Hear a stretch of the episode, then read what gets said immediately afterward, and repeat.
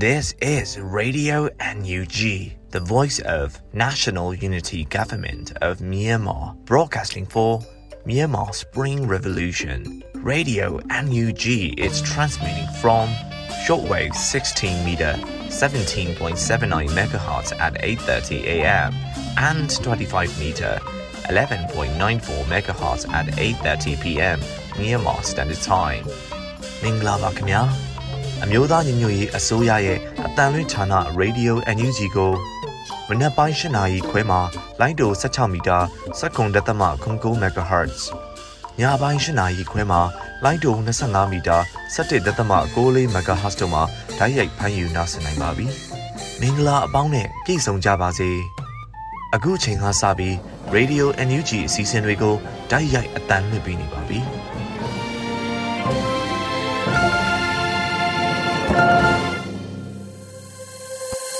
မြန်မာနိုင်ငံသူနိုင်ငံသားအပေါင်းတဘာဝပြီးဆရာနာရှင်တို့ကနေကင်းဝေးပြီးကိုစိတ်နှပါပေးကင်းလုံးကြကြပါစေလို့ရေဒီယိုအန်ယူဂျီဖွယ်သားများကဆုတောင်းမြတ်တာပို့သလာရပါတယ်ရှင်။အခုချိန်ကစပြီးကာကွယ်ရေးဝန်ကြီးဌာနရဲ့စီရေးသတင်းချင်းချုပ်ကိုတော့ဖုံးမြတ်နေမှဖတ်ကြားတင်ပြပေးပါမယ်ရှင်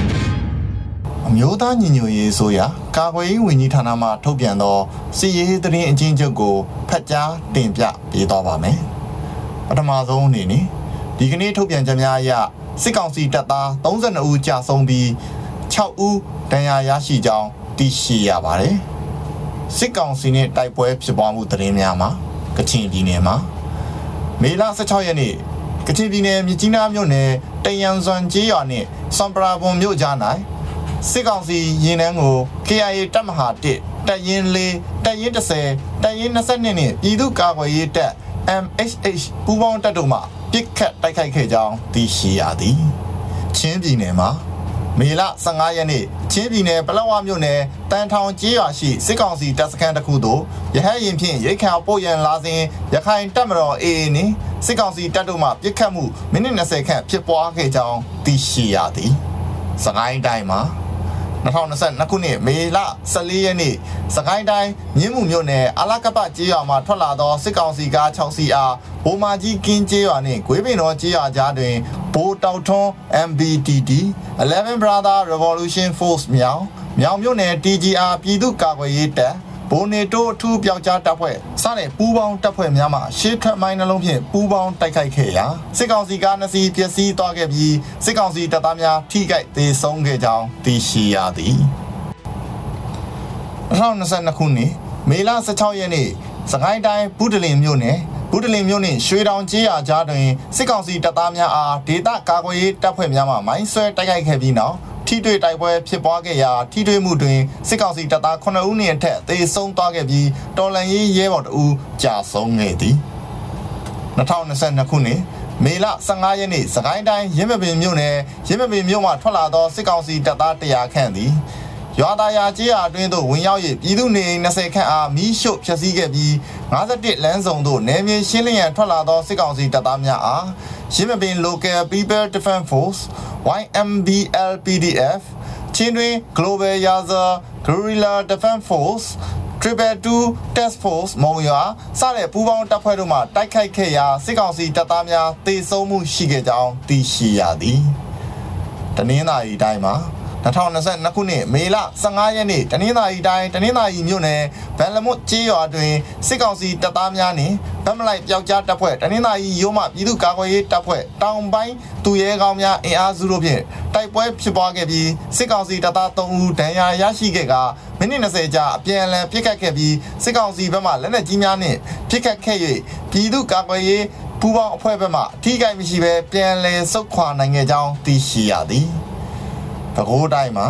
2022ခုနှစ်မေလ15ရက်နေ့ပဲခူးတိုင်းပေါင်းတယ်မြို့နယ်ကျိုးပင်ကျေးရွာအုပ်စုတဖန်းကုန်းတာပွန်လမ်းပေါ်တွင်စိုက်ကယ်3စီးဖြင့်လာသည့်စစ်ကောင်စီလေကင်းအားပဲခူးတိုင်းပြည်သူ့ကာကွယ်ရေးတပ်ရင်းအမတ်3631တက်ခွဲ3မှမိုင်းဆွဲတိုက်ခိုက်ခဲ့ရာစစ်ကောင်စီလက်အောက်ခံရဲတအူးပြင်းထန်စွာဒဏ်ရာရရှိသွားကြောင်းသိရှိရသည်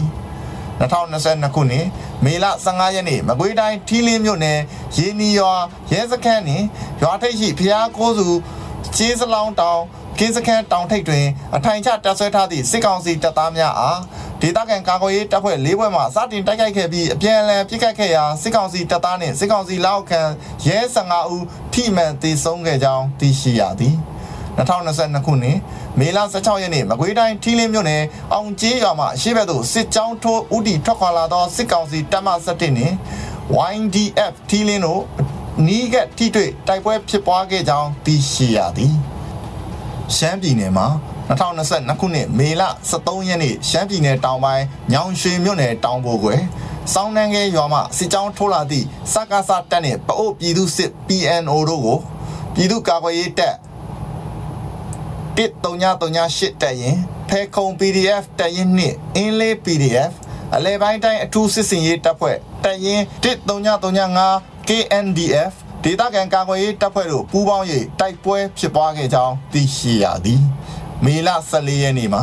စစ်ကြောင်းထိုးလာသည့်စစ်ကောင်စီတပ်ကို1338တက်ရင်နှင့်အင်းလေး PDF တို့ပူးပေါင်း၍မိုင်းဆွဲတိုက်ခိုက်ရာစစ်ကောင်စီတပ်သား၄ဦးသေဆုံးသွားခဲ့ကြောင်းသိရှိရသည် မေလ15ရက်နေ့ရှမ်းပြည်နယ်တောင်ပိုင်းညောင်ရွှေမြို့နယ်တွင်စစ်ကောင်စီတပ်နှင့်1338တပ်ရင်းတို့အနီးကပ်တိုက်ပွဲဖြစ်ပွားခဲ့ပြီးပြင်းထန်စွာတိုက်ပွဲဖြစ်ပွားခဲ့ရာတပ်ရင်း၏တပ်ရင်းမူကိုချစ်ကောင်း CDM ကြာဆုံးခဲ့ပြီးရဲဘော်2ဦးဒဏ်ရာရရှိခဲ့ကစစ်ကောင်စီဘက်မှဗိုလ်မှူးတအုပ်ပါဝင်4ဦးသေဆုံးခဲ့ပြီးလက်နက်ကြီးစတိုက်ပစ်ကူခြင်းလေကြောင်းပစ်ကူ3ခြင်းတို့ကြောင့်တိုက်ပွဲပြင်းထန်ခဲ့ကြောင်းသိရှိရသည်စစ်ကောင်စီအကြမ်းဖက်မှုသတင်းများကို ဆက်လက်ဖတ်ကြားတင်ပြပေးသွားပါမယ်။ကရင်ပြည်နယ်မှာ2022ခုနှစ်မေလ14ရက်နေ့ကရင်ပြည်နယ်ကော့ကရိတ်မြို့နယ်ကျုံတိုးကြီးရွာကမ်းနားပိုင်းတွင်နေထိုင်သည့်ကိုအောင်တန်းထွင်းနှင့်၎င်း၏တငယ်ချင်း၄ဦးအားစစ်ကောင်စီမှဖမ်းဆီးသွားခဲ့ကြောင်းထို့ပြင်စစ်ကောင်စီများသည်ညအချိန်မတော်ဖမ်းဆီးမှုများလှုပ်ဆောင်နေသဖြင့်ကျုံတိုးမြို့ရှိပြည်သူတို့ကြောက်လန့်ပြီးနီးစပ်ရာကျေးရွာများသို့ထွက်ပြေးတိမ်းရှောင်နေရက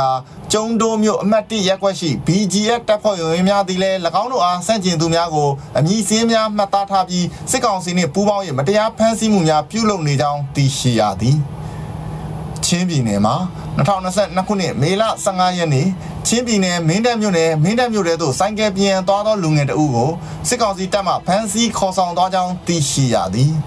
မေလ16ရက်နေ့ချင်းပြည်နယ်မင်းတပ်မြို့နယ်မင်းတပ်မြို့စီးချဲနာတွင်စစ်ကောင်စီတပ်မှမြို့ထဲသို့သွားသောလူငယ်အုပ်ကိုဖမ်းဆီးခေါ်ဆောင်သွားကြောင်းလည်းသိရှိရသည်။စကိုင်းတိုင်းမှာ 2022ခုနှစ်မေလ15ရက်နေ့စကိုင်းတိုင်းခင်ဦးမြို့နယ်တိန်တော်ကျေးရွာအားမိရှို့ခဲ့သောစစ်ကောင်စီတပ်သားများသည်စစ်ကြောင်းတစ်လျှောက်ရှိမြို့တည်ကျေးရွာကံကြီးကျေးရွာရွှေရမင်းကျေးရွာများကိုဝင်ရောက်ဖျက်ဆီးခဲ့ပြီးကံကြီးကုန်းကျေးရွာမှအသက်55နှစ်ကျော်အမျိုးသားတဦးအားပြစ်တက်ခဲ့ပြီးဖုံးတော်ကြီးတစ်ပါးကိုလည်းဖမ်းဆီးခေါ်ဆောင်သွားခဲ့ကြောင်းသိရှိရသည်။ 2022ခုနှစ်မေလ16ရက်နေ့စကိုင်းတိုင်းခင်ဦးမြို့နယ်အင်းဘက်ကျေးရွာ၌မေလ2ရက်နေ့တွင်စစ်ကောင်စီတပ်များမှမီးရှို့ခဲ့သောပြည်သူနေအိမ်200ကျော်အားဒုတိယအကြိမ်ထပ်မံမီးရှို့ဖျက်ဆီးနေကြောင်းသိရှိရသည်2022ခုနှစ်မေလ16ရက်နေ့စကိုင်းတိုင်းစကိုင်းမြို့နယ်ကျော်စီရကျေးရွာသို့စစ်ကောင်စီတံပြားကားတစ်စီးဖြင့်ဝင်ရောက်စစ်ဆေးကလူတအူအားဖမ်းဆီးခေါ်ဆောင်သွားကြောင်းသိရှိရသည်ရန်ကုန်တိုင်းမှာ 2022ခုနှစ်မေလ23ရက်နေ့နှင့်14ရက်များ၌ရန်ကုန်တိုင်းခရမ်းမြို့နယ်ရှိပြည်သူ9ဦးကိုစစ်ကောင်စီမှအကြမ်းဖက်ဖမ်းဆီးခေါ်ဆောင်သွားခဲ့ကြောင်းသိရှိရသည်2022ခုနှစ်မေလ14ရက်နေ့ရန်ကုန်တိုင်းလှိုင်သာယာမြို့နယ်16ရပ်ကွက်မှပြည်သူတအုပ်နှင့်အောင်တကွန်လမ်း၌နေထိုင်သည့်ပြည်သူ2ဦးကိုစစ်ကောင်စီမှအကြောင်းမဲ့ဖမ်းဆီးသွားခဲ့ကြောင်းသိရှိရသည်တနင်္သာရီတိုင်းမှာ 2022ခုနှစ်မေလ16ရက်နေ့တနင်္သာရီတိုင်းရေဖြူမြို့နယ်ကံပေါက်ဒေသမိချောင်းအိုင်ရက်ကွက်မှာဦးနီကိုဝင်းမိချောင်းအိုင်စကုံးရက်ကွက်ကဦးနိုင်ဦးနှင့်လဲကုံအမတ်1ရက်ကွက်မှာဦးစိုးတန်းထွန်းကိုမောရဝတီရေတပ်စခန်းမှာစစ်ကောင်စီတပ်သားများလာရောက်ဖမ်းဆီးခဲ့ပြီးဦးနိုင်ဦးတဦးကိုသာပြန်လွှတ်လိုက်ကြောင်းသိရှိရသည်2022ခုနှစ် မေလ15ရက်နေ့တနင်္သာရီတိုင်းဒဝဲမြို့နယ်တင်ငန်းတုံးဘက်မှစစ်ကောင်စီတပ်သားများသည်ဝါကုန်းဘက်သို့လက်နက်ကြီးများဖြင့်ရန်တမ်းပစ်ခတ်နေကြောင်းသိရှိရသည်2022ခုနှစ်မေလ15ရက်နေ့တနင်္သာရီတိုင်းပူလောမြို့နယ်ပူလောမြို့အတွင်းတွင်စစ်ကောင်စီတပ်သားများသည်ဘလောက်ချ၍စိုင်းကယ်နှစ်ယောက်စီးများအားဖမ်းဆီးခဲ့ကဖုံးဆိုင်မှမိန်းကလေးတဦးကိုပါဖမ်းဆီးခေါ်ဆောင်သွားခဲ့ကြောင်းသိရှိရသည် 2022ခုနှစ်မေလ15ရက်နေ့တနင်္သာရီတိုင်းဒဝယ်မြို့နယ်ဒဝယ်မြစ်တာလမ်းမိုင်းရှိတင်ငန်းတုံးရွာမှနေအိမ်၅လုံးအားစစ်ကောင်စီတပ်များဝင်ရောက်မှွေနှောက်ခဲ့ပြီးနေအိမ်မှာရှိသည့်ပစ္စည်းနှင့်အင်ကြီးအဝတ်အစားများစားတောက်ကုန်များအားအတင်းအဓမ္မယူငင်သွားခဲ့ကြောင်းကြေးရွာမှပြည်သူလူထုတီလဲထွက်ပြေးတိမ်းရှောင်နေရကြောင်းသိရှိရသည်မကွေးတိုင်းမှာ2022ခုနှစ်မေလ15ရက်နေ့မကွေးတိုင်းမြိုင်မြို့နယ်မြောက်ပိုင်း ပတောက်ကံရွာရှိရွာကိုစစ်ကောင်စီကမီးဝင်ရှို့သွားခဲ့ကြောင်းသိရှိရသည်2022ခုနှစ်မေလ16ရက်နေ့မကွေးတိုင်းရေစကြိုမြို့နယ်ကံဦးရွာကိုရေလေကျွန်းရောက်နေသည့်စစ်ကောင်စီတပ်သားများမှမီးရှို့ဖျက်ဆီးနေကြောင်းသိရှိရသည်မန္တလေးတိုင်းမှာ 2022ခုနှစ်မေလ15ရက်နေ့မန္တလေးတိုင်းချမ်းမြသာစီမြို့နယ်58လမ်းနှင့်100နှစ်လမ်းတောင်းရှိစစ်ကောင်စီတပ်သားများသည်ဆိုင်ကယ်စီးလာသောလူငယ်တဦးအားအကြမ်းဖက်ရိုက်နှက်ခေါ်ဆောင်သွားခဲ့ကြောင်းသိရှိရသည်2022ခုနှစ်မေလ15ရက်နေ့မန္တလေးတိုင်းချမ်းမြသာစီမြို့နယ်49လမ်း123လမ်းနှင့်124လမ်းကြားရှိကံကြီးကုန်းရွာထဲသို့စစ်ကောင်စီလောက်ခံရဲများနှင့် စစ်ကောင်စီသတင်းပေးများပေါင်း၍အိမ်တအိမ်ရှိလူများအားတနက်လေးချက်ပြစ်ဖောက်ခဲ့ပြီးပြည်သူ6ဦးအားရက်ွက်ရုံးသို့အတင်းအာဓမဖမ်းဆီးခေါ်ဆောင်သွားခဲ့ကြောင်းသိရှိရသည်ရန်ကုန်တိုင်းမှာ2022ခုနှစ်မေလ15ရက်နေ့ရန်ကုန်တိုင်းလှိုင်သာယာမြို့နယ်9ရက်ွက်စိန်မန်းမြိုင်3လမ်းမှာအိမ်တအိမ်ကိုစစ်ကောင်စီဖွဲ့ဝင်များမှဝင်ရောက်ရှာဖွေမှုဖြစ်ပွားခဲ့ပြီးရှာဖွေသူကိုမတွေ့သောကြောင့်အနီးနားမှလူငယ်2ဦးကိုဖမ်းဆီးသွားခဲ့ကြောင်းသိရှိရသည် 2022ခုနှစ်မေလ16ရက်နေ့ရန်ကုန်တိုင်းတကုံမြို့သက်စိတ်ကမ်းမြို့နယ်ရတနာနင်းစီအရာရှိတွင်စစ်ကောင်စီဖွဲ့ဝင်များမှကားများကိုစစ်ဆေးနေရင်လူငယ်2ဦးကိုထိုးကျိတ်ဖမ်းဆီးသွားခဲ့ကြောင်းသိရှိရသည်2022ခုနှစ်မေလ16ရက်နေ့ရန်ကုန်တိုင်းကော်မှုမြို့နယ်ငှက်အောင်ဆန်းကျေးရွာမှပြောင်းလာသောစစ်ကောင်စီတပ်သား100ခန့်သည်ကြိုက်တော်ကျေးရွာတွင်နေရာ9နေရာခွဲ၍ကုန်းလန်းပိတ်ဆို့စစ်ဆေးခြင်း ရေလန်းကရိုးစိတ်တစ်ခုသာဖွင့်၍စစ်ဆေးခြင်းရွာသားတချို့အားဖမ်းဆီးခြင်းများလှုပ်ဆောင်လျက်ရှိကြောင်းသိရှိရသည်2022ခုနှစ်မေလ15ရက်နေ့ရန်ကုန်တိုင်းဒေါပုံမြို့နယ်တင်မောချင်းလမ်းဆောင်မှလူငယ်မျိုးသား10ဦးကိုစစ်ကောင်စီမှအတင်းအဓမ္မဖမ်းဆီးခေါ်ဆောင်သွားခဲ့ကြောင်းသိရှိရသည်။ ARD တိုင်းမှာ2022ခုနှစ်မေလ15ရက်နေ့ ARD တိုင်းလေးမျက်နှာမြို့နယ်လေးမျက်နှာမြို့အတောက်ချမ်းတွင်စစ်ကောင်စီလက်အောက်ခံရဲ တကကငိမ့်တန်းစင်သည်တာဝန်ပြန်လည်ထမ်းဆောင်လျက်ရှိပြီးနှလုံးဒီတစ်ဝါမီးသွေးစားတဲ့လုပ်ငန်းပိုင်ရှင်များထံမှလိုင်းကြီးယူဆောင်ပြီးစစ်ကောင်စီအတွက်ဝင်ငွေရှာပေးလျက်ရှိကြောင်းဆန္ဒပြခေါင်းဆောင်များတက်ကြွလှုပ်ရှားသူများနှင့်ပတ်သက်၍၎င်းမှဥဆောင်ပြီးသတင်းပေးစောင့်ကြည့်လျက်ရှိနေကြောင်းသိရှိရသည်2022ခုနှစ်မေလ14ရက်နေ့ ARD တိုင်းဇလွန်မြို့နယ် စန်တန်းရက်ကွက်မှာလူငယ်တအုပ်ကိုစစ်ကောင်စီလက်အောက်ခံရဲများမှစိုင်းကယ်၅စီးဖြင့်လာရောက်ဖမ်းဆီးခြင်း၎င်းကိုရှာမတွေ့သဖြင့်မိဘနှစ်ဦးကိုအတင်းအဓမ္မဖမ်းဆီးသွားခဲ့ပြီးယနေ့အချိန်ထိပြန်မလွတ်ပေးသေးကြောင်းသိရှိရသည်ထို့ပြင်စန်နန်းမြို့ပတ်လမ်းမှာပြည်သူတအုပ်ကိုထပ်မံဖမ်းဆီးခံရသဖြင့်ဦးလေးဖြစ်သူမှရဲစခန်းသို့လိုက်သွားရာယနေ့အချိန်ထိအိမ်ပြန်မရောက်သေးကြောင်းသိရှိရသည် 2022ခုနှစ်မေလ16ရက်နေ့ ARD တိုင်းရေကြီးမြို့နယ်အတုံမြို့တွင်တက္ကသိုလ်မတက်သောကျောင်းသားကျောင်းသူများကိုစစ်ကောင်စီမှဖိအားပေးလျက်ရှိကြောင်းသိရှိရသည်အခုတင်ပြပေးသွားသောသတင်းများကိုမြေပြင်သတင်းတာဝန်ခံများနှင့်သတင်းဌာနများမှရရှိလာသောချက်လက်များပေါ်အခြေခံ၍ပြုစုတင်ပြပေးသွားတာဖြစ်ပါတယ်ခင်ဗျာကျွန်တော်ကတော့ဖုံးမြက်ຫນွေဦးပါ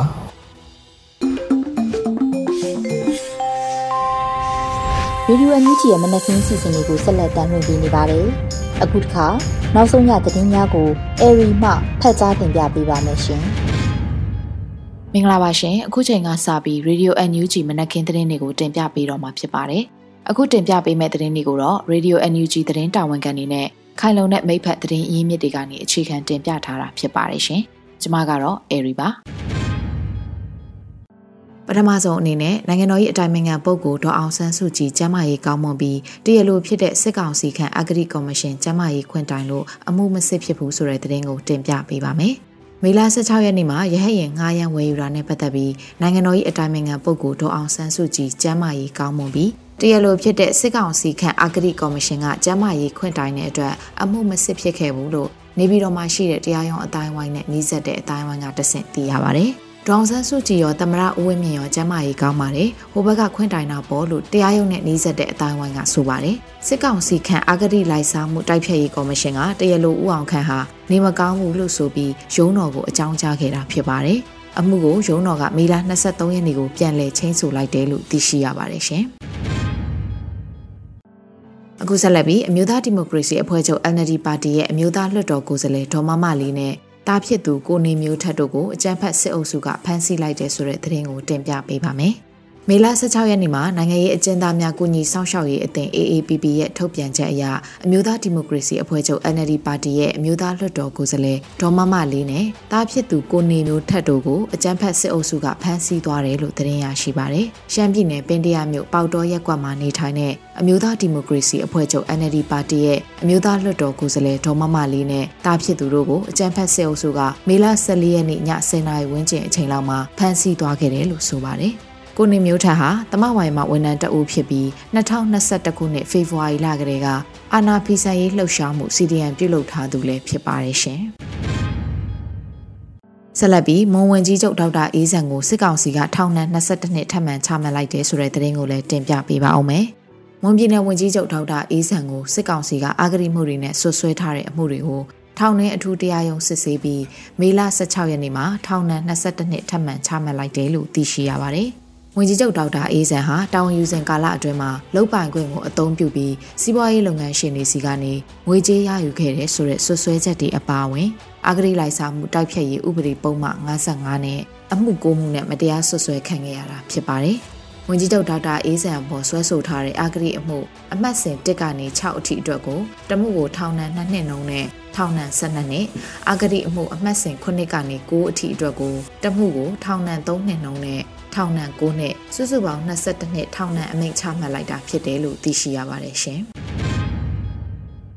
ဆက်လက်ပြီးစစ်ကောင်စီတပ်ရဲ့ဆေးရုံတက်မှုအလွဲသုံးစားလုပ်လို့ရတဲ့တလဝင်ငွေဟာ340ကနေ90ဝန်းကျင်ရှိတယ်လို့စီဒီအန်တူနာပြုဗိုလ်ကြီးခင်ပပထုံဖွင့်ချဖော်ထုတ်လိုက်တဲ့သတင်းကိုတင်ပြပေးပါမယ်။ မေလ15ရက်နေ့ကပြုလုပ်ခဲ့တဲ့ CDM တက်အရာရှိများစကားဝိုင်းမှာ CDM တူနာပြုဗိုလ်ကြီးခင်ပပထုံကစစ်ကောင်စီတပ်ရဲ့ဆေးရုံတက်မှုအလွဲသုံးစားလုပ်လို့ရတဲ့တလဝင်ငွေဟာ340ကနေ90ဝန်းကျင်ရှိတယ်လို့ဖွင့်ချဖော်ထုတ်လိုက်ပါတယ်။ဈေးရုံပိုင်းမှာလူနာတွေရှိတယ်။လူနာအတွက်ထောက်ပံ့တာရှိတယ်။ဥပမာလူနာ100ရှိတယ်ဆိုရင်စားတဲ့150ထည့်ရည်တယ်။နောက်လူနာအတွက်ချက်ပြုတ်တဲ့နေရာရှိတယ်။ဈေးထိုးတဲ့ဈေးစတိုရှိတယ်။မော်တော်ယာဉ်ဌာနကတော့စီရှိတယ်။ အဲ့မှာဘယ်လိုလူတွေထားလဲဆိုတော့အထက်အရာရှိကသူတို့ကိုအလုပ်ကျွေးပြုတ်မဲ့သူကိုထားလိုက်တယ်။ထားလိုက်ပြီးတော့သူတို့ကလာစင်သူတို့ကိုလာပေးရတယ်။စေးုံတက်မှုကိုတလတလကို3နေရာကရတာပဲ340 50ဝန်းကျင်ရှိမယ်လို့ဆိုပါတယ်။ဒါအပြင်လူနာတွေကိုဒဏ်ရာအကျက်မြန်စေဖို့အသားဟင်းတွေပို့ပေးခိုင်းတာကြက်ဥပြုတ်တွေပို့ပေးခိုင်းတာတမိုးကြီးဆေးတွေဆေးညွှန်းပေးတာတွေကိုလှုပ်ဆောင်ခိုင်းမိမယ်လေတာဝန်ခံတွေကညှင်းဆန်ပြီးဆေးဝါးတွေကိုရှောင်ပစ်တာအလွဲသုံးစားပြုတ်လုပ်တာတွေသာရှိခဲ့တယ်လို့လည်းသိရှိရပါတယ်ရှင်။ ဆက်လက်ပြီးကဏီမျိုးနယ်မှာစစ်ကောင်စီရဲ့အမြောက်တပ်တစ်ခုပဲကြန့်ရှိတော့တယ်ဆိုတဲ့သတင်းကိုတင်ပြပေးပါမယ်။စကိုင်းတိုင်းကဏီမြို့နယ်မှာစစ်ကောင်စီရဲ့အမြောက်တပ်တစ်ခုသာကြန့်ရှိတော့တယ်လို့မေလ16ရက်နေ့မှာ MDF တပ်ဖွဲ့ဝင်တအုပ်ကအတည်ပြုပြောဆိုထားပါတယ်။ကဏီနယ်မှာစစ်ကောင်စီရဲ့အမြောက်တပ်တစ်ခုပဲကြန့်တော့မယ်။ဝင်းမနာစခန်းကိုလည်း MDF PDF တရင်တက်နဲ့ မဟာမိတ် PDF တရင်တွေဝင်ရောက်စီးမိုးပြီးအမုံဖြစ်ပြောင်းလဲနိုင်ခဲ့ကြတယ်။စစ်ကောင်စီရဲ့အမြောက်တပ်ကိုထပ်မံစီးမိုးနိုင်မယ်ဆိုရင်ကဏီနယ်ဟာလွတ်မြောက်နယ်မြေအဖြစ်ကြီးညာနိုင်မှာဖြစ်ပါတယ်လို့ဆိုထားတာပါ။ကဏီနယ်ဝင်းမနာရဲစခန်းကိုပြီးခဲ့တဲ့ရက်ပိုင်းအတွင်းကစစ်ကောင်စီတပ်တွေဟာစွန့်ပစ်ခဲ့ကြတယ်လို့သိရှိရပါတယ်ရှင်။ဆက်လက်ပြီးမီးလျံကြားကဖြစ်ရမှန်စကားသံများခေါင်းစဉ်နဲ့သတင်းမှတ်တမ်းဗီဒီယိုကိုထုတ်လွှင့်ပြသသွားမယ့်သတင်းကိုတင်ပြပေးပါမယ်။ မီလီယံကြားကဖြစ်ရမှန်စကားသံများခေါင်းစဉ်နဲ့သတင်းမှတ်တမ်းဗီဒီယိုကိုလူသားချင်းစာနာထောက်ထားရေးနဲ့ဘေးရန်ရေးဆိုင်ရာစီမံခန့်ခွဲရေးဝန်ကြီးဌာနကထုတ်လွှင့်ပြသမယ်လို့မေလ16ရက်နေ့မှာသတင်းထုတ်ပြန်ခဲ့ပါတယ်။အကြံဖက်စစ်ကောင်စီတပ်တွေရဲ့မီးရှို့ဖျက်ဆီးခံခဲ့ရတဲ့ကြေးရွာတွေကဒေသခံတွေရဲ့ဖြစ်ရမှန်စကားသံတွေသတင်းမှတ်တမ်းဗီဒီယိုကိုလာမယ့်ဗုဒ္ဓဝူးနေ့မေလ18ရက်နေ့ညနေ6နာရီအချိန်မှာဝင်ကြီးဌာနရဲ့ Facebook စာမျက်နှာနဲ့ PPTV သတင်းဌာနရဲ့ Facebook စာမျက်နှာတို့မှာထုတ်လွှင့်ပြသသွားမယ်လို့သိရှိရပါတယ်။ လက်ရှိမှာစကိုင်းတိုင်းဟာစစ်ကောင်စီတပ်တွေကကြေးရွာတွေကိုမီးရှို့ဖျက်ဆီးပြီးအရဲသားတွေတပ်ဖြတ်ခံနေရမှုအများဆုံးဒေသလည်းဖြစ်ပါတယ်ရှင်။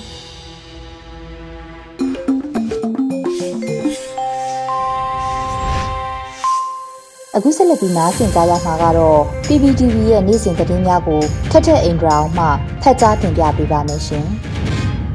ပထမဆုံးတင်ဆက်ပေးမှာကတော့အကြမ်းဖက်စစ်တပ်ရဲ့အကြမ်းဖက်မှုကိုနီလန်ပေါင်းစုံနဲ့ရပ်တန့်အောင်လုပ်ရမှာလို့နိုင်ငံသားရေးဝန်ကြီးဒေါ်စင်မအောင်ကပြောကြားလိုက်တဲ့ဆိုတဲ့သတင်းမှာအကြမ်းဖက်စစ်တပ်ရဲ့ပြည်သူတွေပေါ်အကြမ်းဖက်မှုကိုဖြစ်နိုင်တဲ့နီလန်ပေါင်းစုံနဲ့ရပ်တန့်အောင်လုပ်ရမှာဖြစ်တယ်လို့အမျိုးသားညီညွတ်ရေးအစိုးရနိုင်ငံရေးဝန်ကြီးဌာနပြည်ထောင်စုဝန်ကြီးဒေါ်စင်မအောင်ကပြောကြားလိုက်ပါတယ်။ အကြမ်းဖက်စစ်တပ်ကနေ့စဉ်ပြည်သူတွေကိုတပ်ဖြတ်နေတဲ့အပေါ်မှာပြည်ထောင်စုဝန်ကြီးဒေါ်စင်မောင်က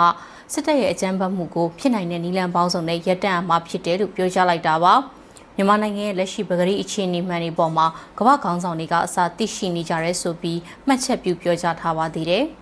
။မျက်စိကြည်နာကြီးကမ္ဘာခေါင်းဆောင်တွေလည်းလက်ရှိအခြေအနေကိုသိကြတယ်လို့ပြည်ထောင်စုဝန်ကြီးဒေါ်စမအောင်ကပြောကြားခဲ့တာပါ။ အကြမ်းဖက်စစ်ကောင်စီရဲ့တပ်တွေနဲ့ပြည်သူ့ကာကွယ်ရေးတပ်တွေကြားတိုက်ပွဲတွေပြင်းထန်စွာဖြစ်ပွားနေပြီးတော့ပြည်သူ့ကာကွယ်ရေးတပ်ဖွဲ့တွေဘက်ကစစ်ရေးပြဋ္ဌာန်းချက်တွေကိုအတက်နိုင်ဆုံးလိုက်နာအောင်အမျိုးသားညီညွတ်ရေးအစိုးရအနေနဲ့လှုံ့ဆော်ထားနိုင်တယ်လို့ဆိုပါတယ်။အကြမ်းဖက်စစ်ကောင်စီတပ်တွေကတော့ကြေးရွာတွေကိုမိရှုဖျက်ဆီးတာပြည်သူတွေကိုတပ်ဖြတ်တာဖမ်းဆီးနှိပ်စက်တာတွေပြုလုပ်နေပြီးတော့နောက်ဆုံးရတတပတ်အတွင်းမှာဆိုပြစ်မှုပေါင်း900နီးပါးကျူးလွန်ထားတယ်လို့အမျိုးသားညီညွတ်ရေးအစိုးရပြည်ထောင်စုနဲ့လူဝင်မှုကြီးကြပ်ရေးဝန်ကြီးဌာနကမနေ့ကထုတ်ပြန်ထားပါတယ်။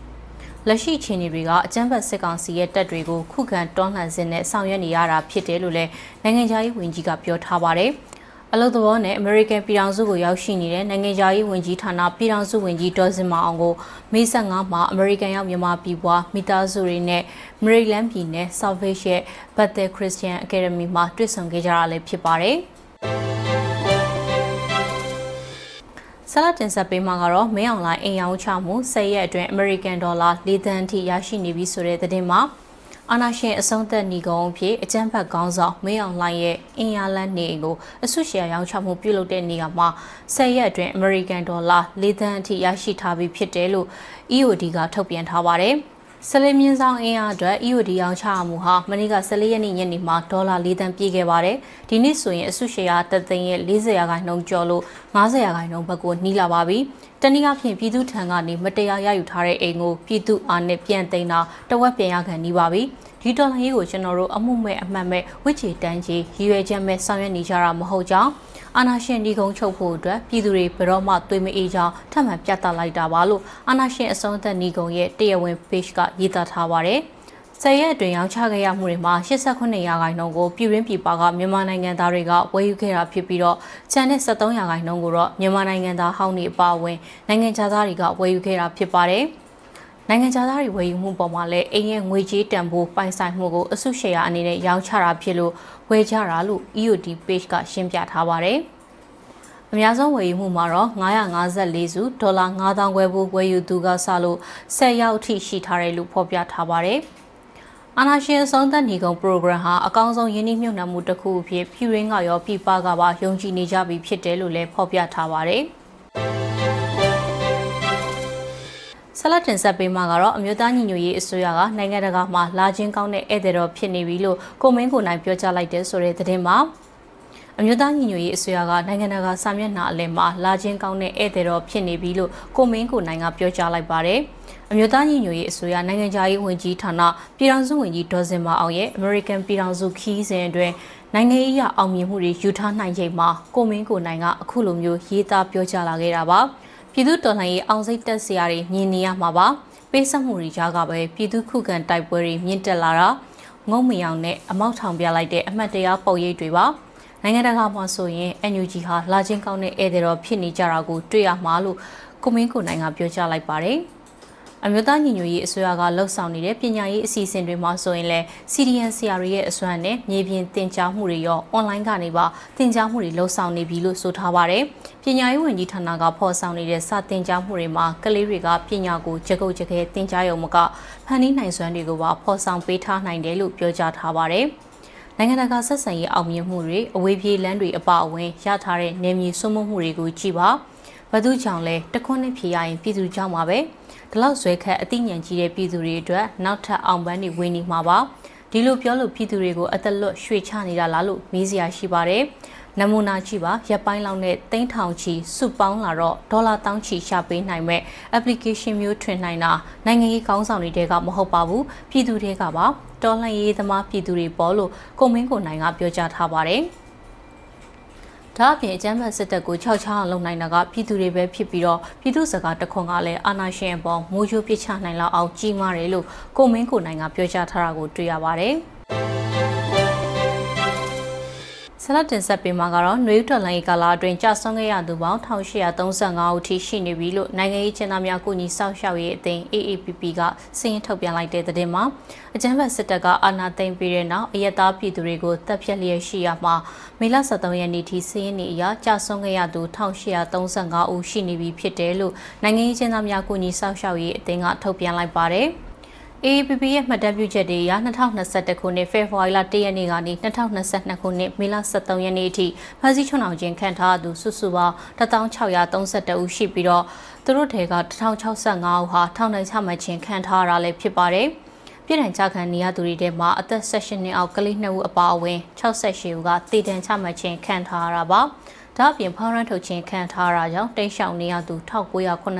ဦးရဲ့အမည်စရင်းကိုလည်းတိကျဖော်ပြထားပြီးတော့သူတို့အနက်မျက်ကွယ်တည်တံချမှတ်ခြင်းခံထားသူ42ဦးအပါအဝင်120ဦးဟာမျက်ကွယ်ပြစ်ဒဏ်ချမှတ်ခြင်းခံထားရတယ်လို့ဆိုထားပါတယ်။ဒေသချမှတ်ခြင်းခံထားသူစုစုပေါင်း109ဦးရှိတယ်လို့လည်းထုတ်ပြန်ချက်မှာဖော်ပြထားတာကိုတွေ့ရပါတယ်။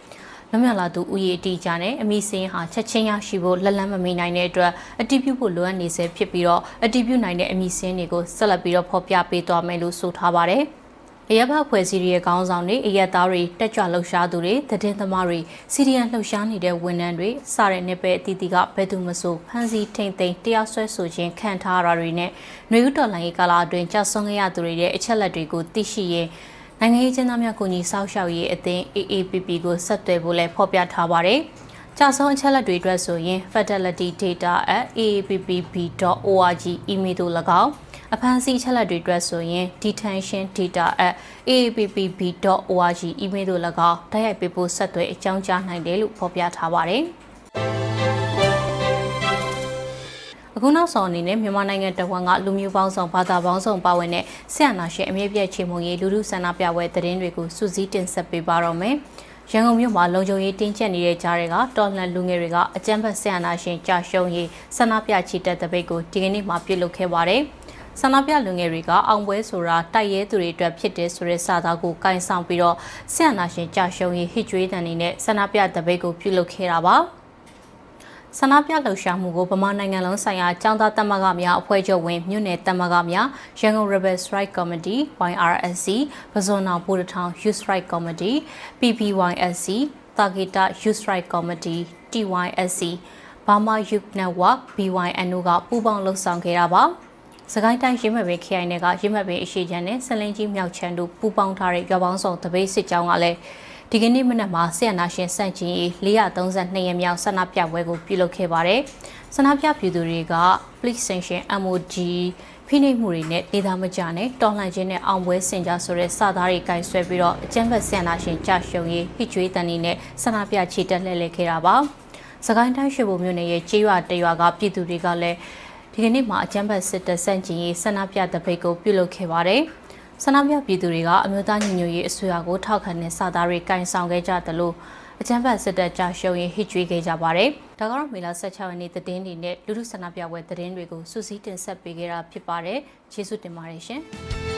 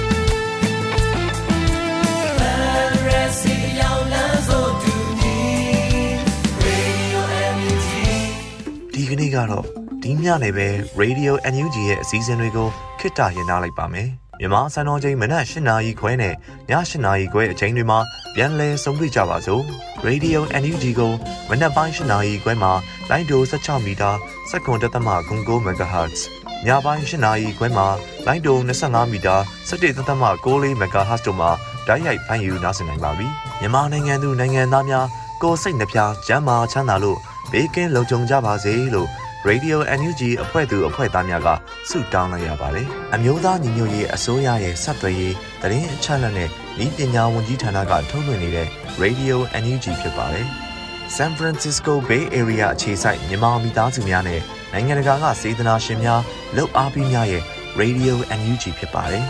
။အရေးတော်ပုံအောင်ရမည်